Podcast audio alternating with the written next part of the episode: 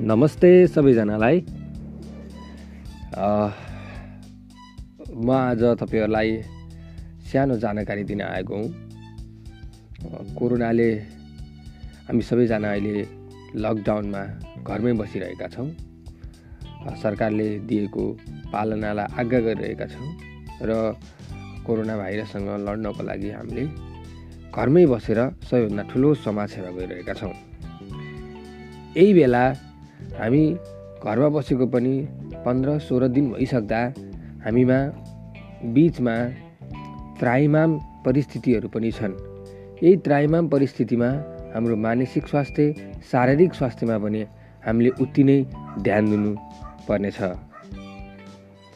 जसलाई मन्ने मध्यनजर गर्दै मैले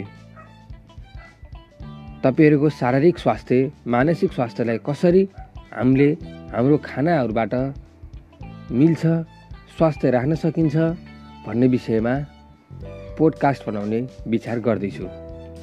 जसका लागि मैले मेरो गेस्टको रूपमा कन्सल्टेन्ट डायटिसियन आर्यम कार्कीलाई पोडकास्टमा ल्याउनेछु।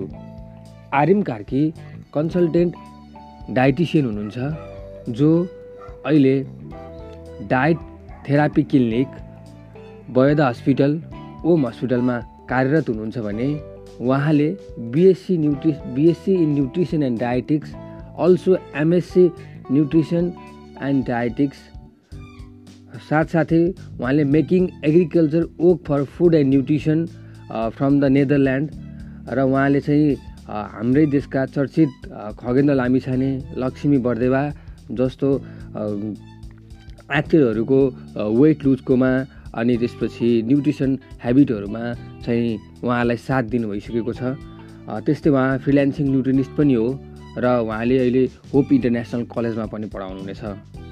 यो पोडकास्टलाई मैले उहाँलाई भोलि ल्याउनेछु अर्थात् चैत उन्तिस गते उहाँसँग मैले importance of food diet in balancing mental and physical health during lockdown भन्ने विषयमा चाहिँ उहाँसँग कुरा गर्नेछु।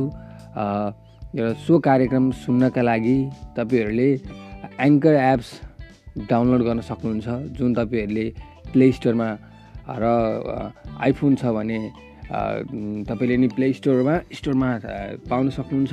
एन्ड्रोइडले पनि प्ले स्टोरमा गएर एङ्कर एप डाउनलोड गरेर द स्वास्थ्य भन्ने मेरो जुन एङ्करको मेरो एफएम छ अथवा एङ्कर एफएमभित्र मेरो द स्वास्थ्य भनेर चाहिँ तपाईँले मलाई फेभरेट गर्न सक्नुहुन्छ र तपाईँले अटोमेटिक नोटिफिकेसन आउनेछ मैले अपलोड गर्ने बित्तिकै। सो यो कोरोना लकडाउनलाई चाहिँ हामीले विशेष रूपमा मानसिक स्वास्थ्य र शारीरिक स्वास्थ्यलाई हामीले खाने खानाहरूलाई कसरी ब्यालेन्स गर्न सकिन्छ भन्ने विषयमा म भोलि तपाईँहरूलाई अवश्य भेट्नु छु। सबैजनाको साथ सहयोग र सुनिदिने हुनेछ र प्रतिक्रिया दिने हुनेछ भन्ने आश गर्दछु र हामी चौथो पोडकास्टमा भेट्ने बाचा राख्दै अहिलेलाई बिदा हुन्छु। धन्यवाद।